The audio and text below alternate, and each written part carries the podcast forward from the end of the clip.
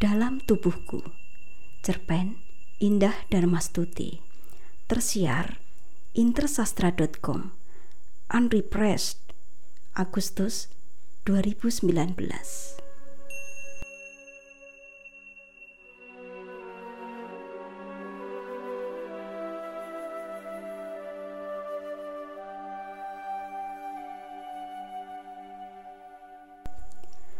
Ada banyak hewan dalam tubuhku.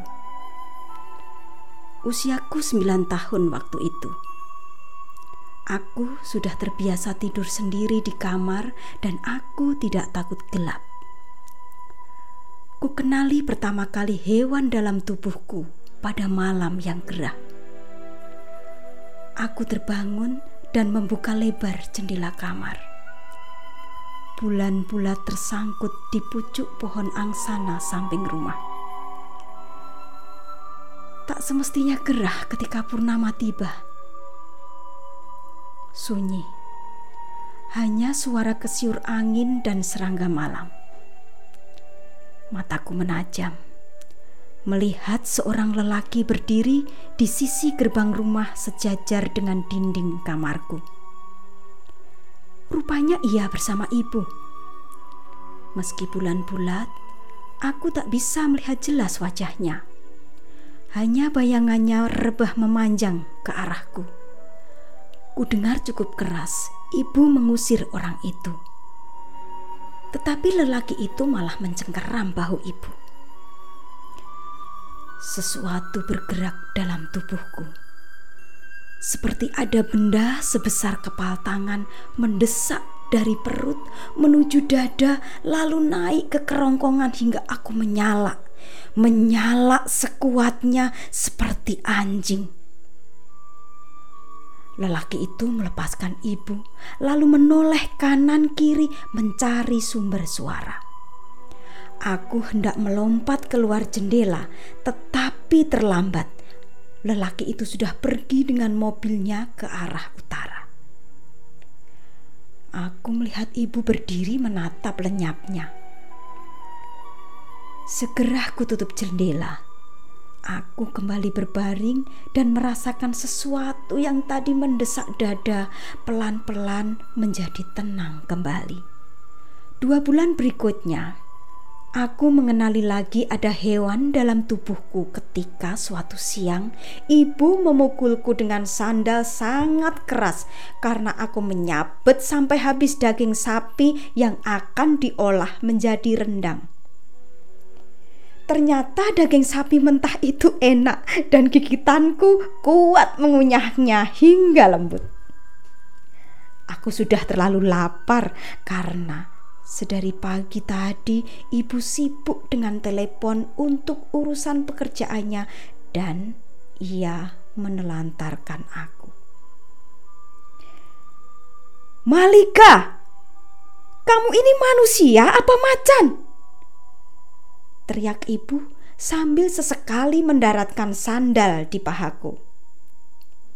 Aku malah semakin cepat mengunyah dan menelan daging sapi itu. Ibu mencengkeram rahangku. Tetapi aku tutup mulutku dengan telapak tangan. Muntahkan! Aku mengaum. Ibu terkejut. Mundur dua langkah ke belakang. Lalu berlari ketakutan. Sejak saat itu, ibu sering mengamati aku dengan tatapan aneh. Padahal aku merasa baik-baik saja. Tetapi tiga minggu setelah peristiwa daging mentah itu, aku kembali mengenali ada hewan lain dalam tubuhku. Ketika suatu sore, aku pulang dari bermain di lapangan dan membuka tudung saji di atas meja makan. Aku ingin makan kue pandan yang tadi masih ada beberapa potong. Tetapi sekarang sudah tak ada. Aku kecewa. Aku tanyakan pada ibu, di mana kue pandan yang tadi? Ibu berkata, "Aku sudah terlalu banyak makan kue." Kata ibu itu tak bagus untuk gigiku. Aku ingin membantah, tapi ibu sudah kembali sibuk dengan ponselnya. Malamnya aku terbangun dari tidur karena ingin pipis. Saat aku keluar dari kamar kecil, aku mencium bau kue pandan. Aku mengendus ke sana sini sambil mencericit seperti tikus. Aku menemukan bau kue pandan tersimpan di atas lemari perkakas. Aku girang. Aku menggeser bangku untuk menjangkau piring, lalu mencomot sepotong. Aku berjingkat lalu duduk di pojok ruang dan menggigit kue itu. Setelah habis aku mendongak dan berpapas mata dengan lukisan macan di ruang tengah. Aku gemetar. Aku takut diterkam macan itu. Segera aku beringsut, bersembunyi makin ke sudut, dan berlindung di sisi sofa. Keringat dingin mengucur membasahi leher dan dahiku. Sejenak aku menenangkan diri, lalu berjingkat kembali ke kamar. Urung mengambil kue pandan sekali lagi.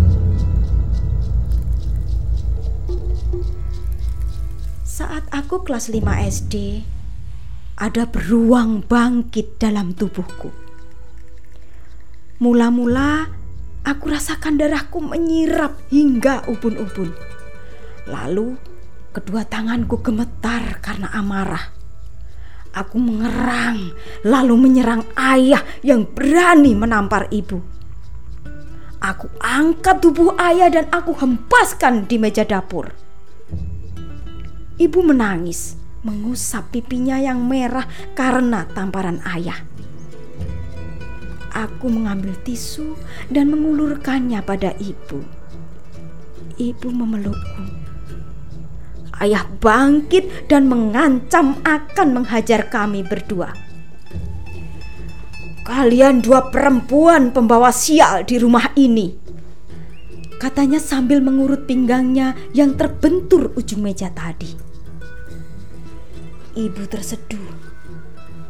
Hatiku iba. Tak boleh seorang pun menyakitinya. Tidak juga ayah. Kamu brengsek cilik, perempuan tak bisa diatur. Ayah terus berteriak. Aku hanya nyengir menampakkan gigi-gigiku. Yang kurasakan ketika itu Air liurku mengucur karena aku mencium bau darah. Aku menerjang ayah hingga jatuh ke lantai, lalu menjilat bercak-bercak darah dari dahinya. Kurasai ada nikmat di lidahku. Mata ayah terbelalak, kaget melihat ada beruang di hadapannya. Itu terakhir aku melihat ayah. Ibu tak sedih ayah tak pernah pulang lagi. Satu malam setelah lima bulan kepergian ayah, ada banteng bangkit dalam tubuhku ketika melihat tamu ibu lancang mencium bibirnya. Ibu melengos berusaha menolak, tetapi laki-laki itu justru membenamkan wajahnya di leher ibu. Tak boleh, itu tak boleh terjadi. Di keningku tumbuh sepasang tanduk kuat dan aku menyeruduk hingga tamu ibu terjungkal lalu kabur meninggalkan jaketnya. Ibu terisak duduk di sampingku. Ia berkata, "Ibu memang tak suka, tetapi tak seharusnya kamu berlaku demikian." Ibu terlihat merana. Banteng yang ada di dalam tubuhku mengerut. Lalu muncul kucing dalam tubuhku beringsut dan mengeong melihat air mata ibu deras membasahi pipinya. Aku tak tahu apa yang dipikirkan ibu.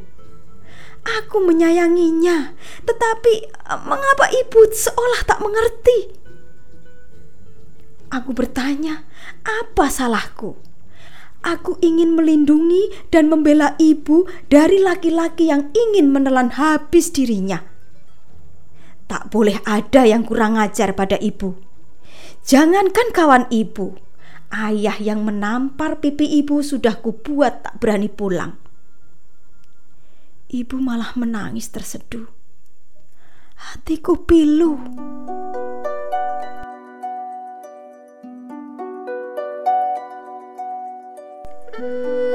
Tetapi aku suka mengenang peristiwa ketika aku duduk kelas 1 SMP. Sore itu saat aku menyiram tanaman di depan rumah, seorang laki-laki turun dari mobil. Ia memberi salam. Aku mengangguk ramah.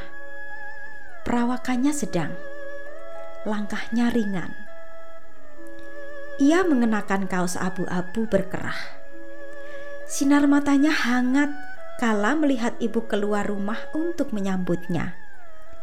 Ibu tertawa dan menyilakan lelaki itu masuk. Sesuatu yang lembut menyusup jantungku dan merambah benakku. Aku luruh, gembira ketika aku mendengar panggilan ibu. Malika, Ke sini, beri salam pada kawan ibu. Aku melonjak girang. Ada kelinci dalam tubuhku. Aku melompat-lompat, lalu duduk manja, menempel pada ibu. Terlebih ketika tangan lelaki itu mengusap-usap kepalaku. Itu momen sangat indah. Aku tak bisa melupakannya kelinci lucu dan penurut itu terlena. Aku rasakan ibu juga berubah menjadi perempuan lembut. Di ruang tamu itu, mereka berbincang-bincang banyak, mengenang semasa mereka sekolah. Rupanya tamu itu kat Rupanya tamu ibu itu kawan SMA dulu. Aku menduga ia mungkin pacar ibu semasa remaja. Lelaki itu ingin mengundang ibu pada acara ucap syukur di hari ulang tahunnya yang ke-47. Ibu berjanji datang dan mengajakku.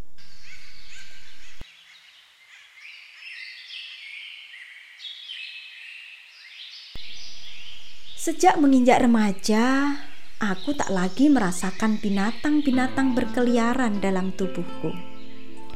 Semua seperti terlidur pulas.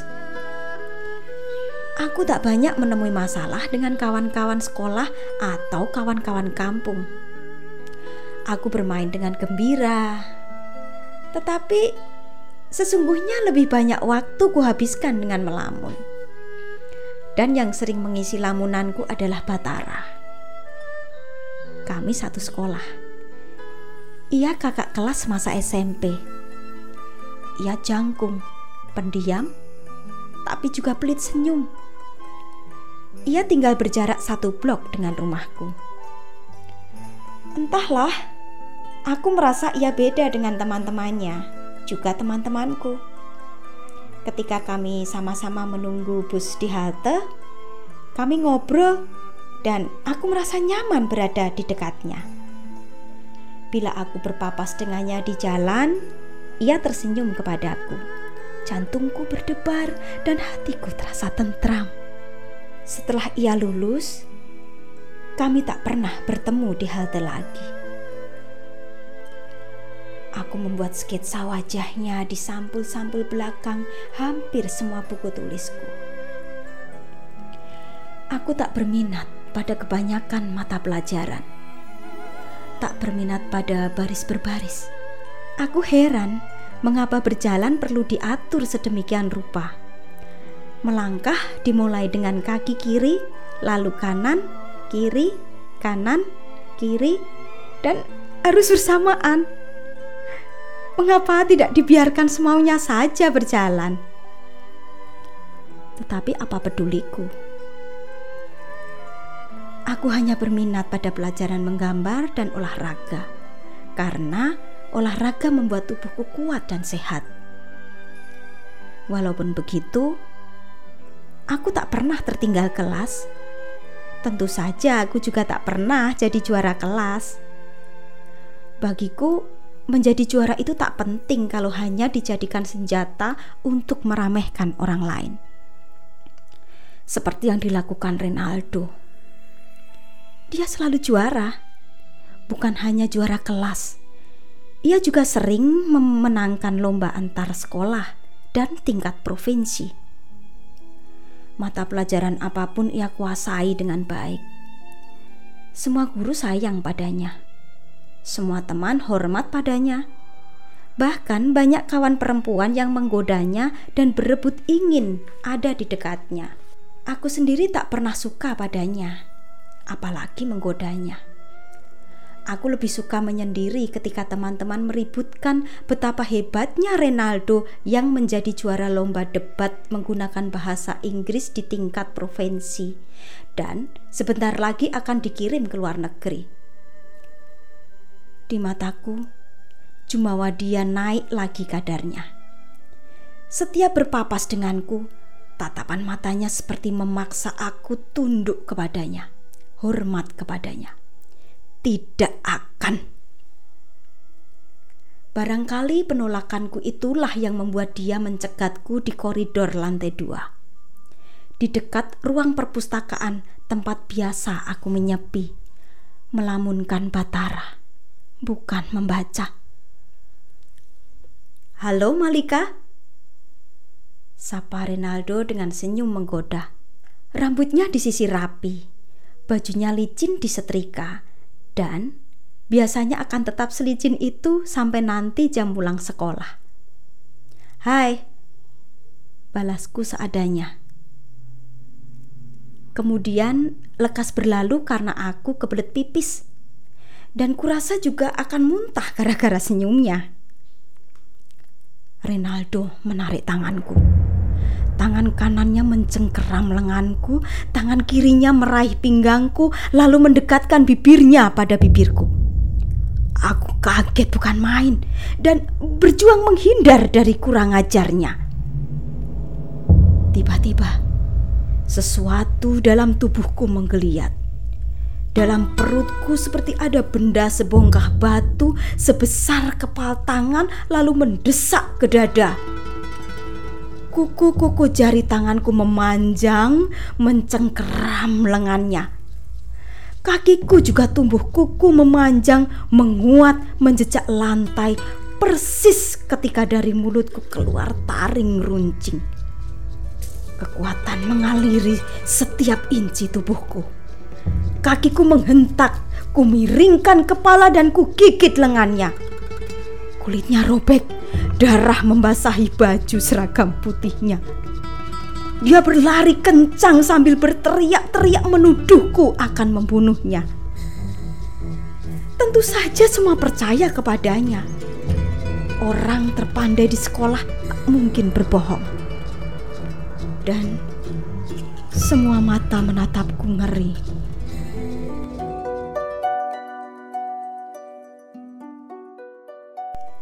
Esoknya, ibu dipanggil ke sekolah. Banyak berkas yang harus ia tanda tangani. Wajahnya datar-datar saja. Kemudian, ia menuntunku keluar dari ruang kepala sekolah dan mengajakku berpamitan kepada semua guru. Aku dikeluarkan dari sekolah hari itu. Apa salahku, Bu? Tanyaku sesampai di rumah. Kamu masih juga bertanya apa salahmu?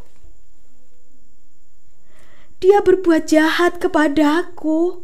Dia mau mencium bibirku dan aku tak suka itu. Ibu percaya kepadamu, tetapi mereka tidak akan. Mereka tak menanyai aku apa sebab Renaldo terluka. Dia telah bertindak kurang ajar kepada aku. Aku hanya membela diri.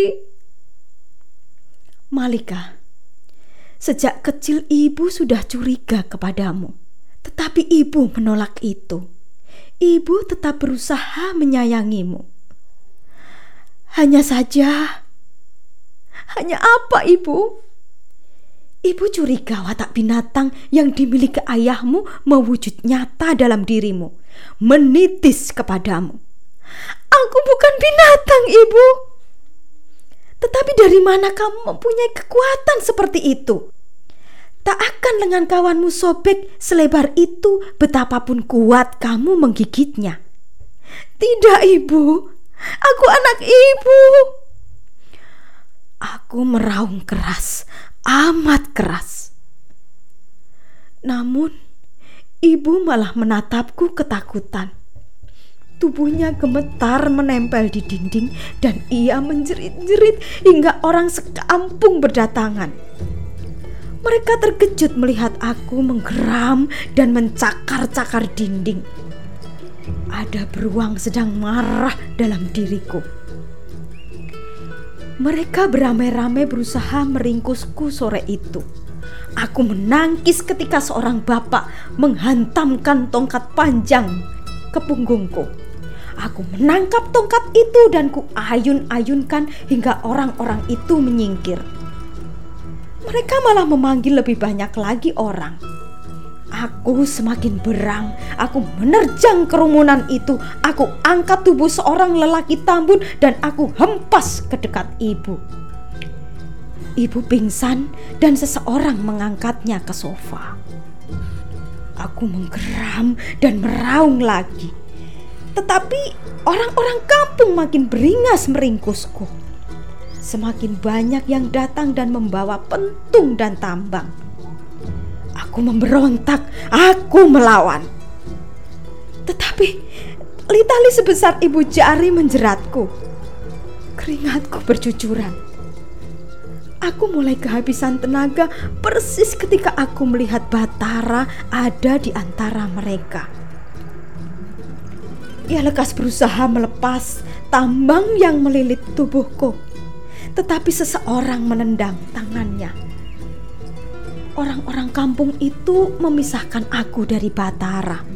Mereka menggotongku sambil terus berteriak-teriak, "Kerangkeng dia! Kerangkeng dia sekarang juga!" Aku diarak dengan tubuh terikat melewati jalanan kampung. Banyak mata takut melihatku. Beberapa di antaranya melihatku iba. Aku terus digiring menuju ke sebuah gubuk terbuat dari papan. Daun jendelanya sudah rusak. Mataku nanar melihat ruang buruk itu dibuka pintunya untukku. Mereka menghempasku ke dalamnya. Aku memberontak, meraung. Tetapi mereka terlalu banyak untuk kulawan.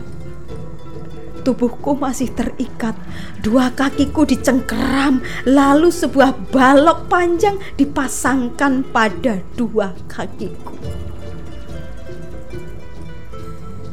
Jadi, itulah mengapa aku ada di sini. Di ruang sempit sedikit matahari, dikurung dengan kaki terpasung.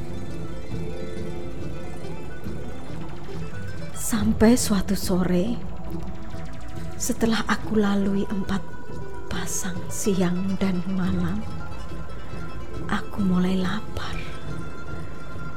Karena sepertinya orang-orang kampung itu menghendaki aku mati. Aku hanya diberi makan dan air terlalu sedikit. Aku kembali merasakan dalam tubuhku ada yang menggeliat Otot-otot kaki dan tanganku menguat. Aku patahkan kayu panjang yang memasung sepasang kakiku. Ku hempas potongan kayu itu ke pintu, persis kulihat Batara muncul di depanku.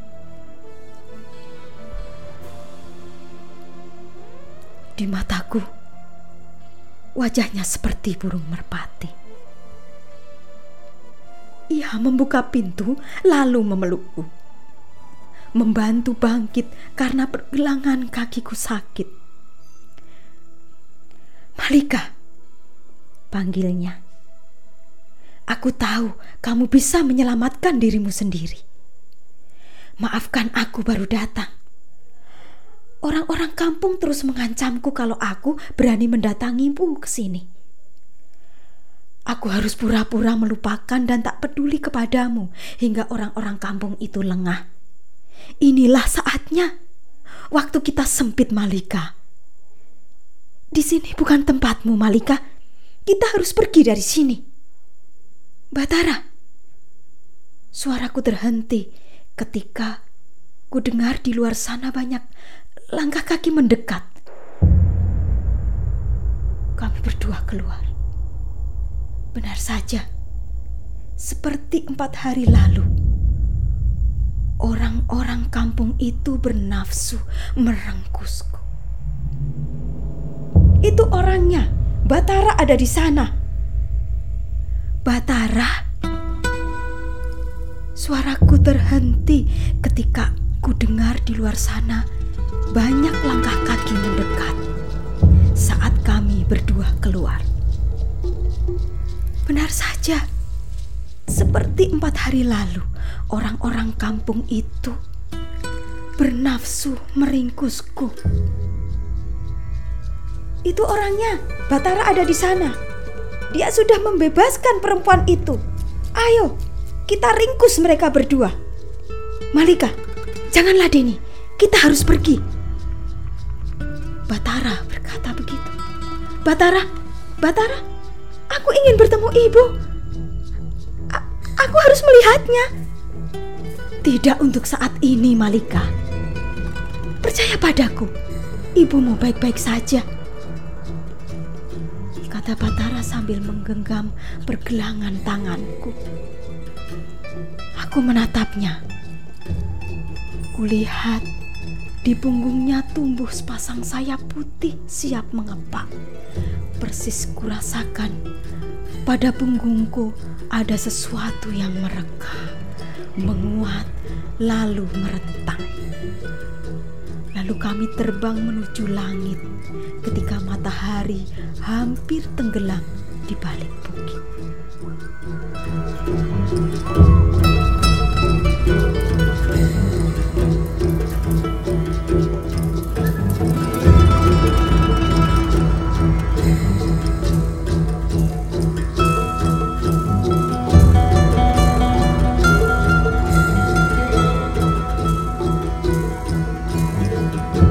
Sastra suara ini dipersembahkan oleh divalitera.org.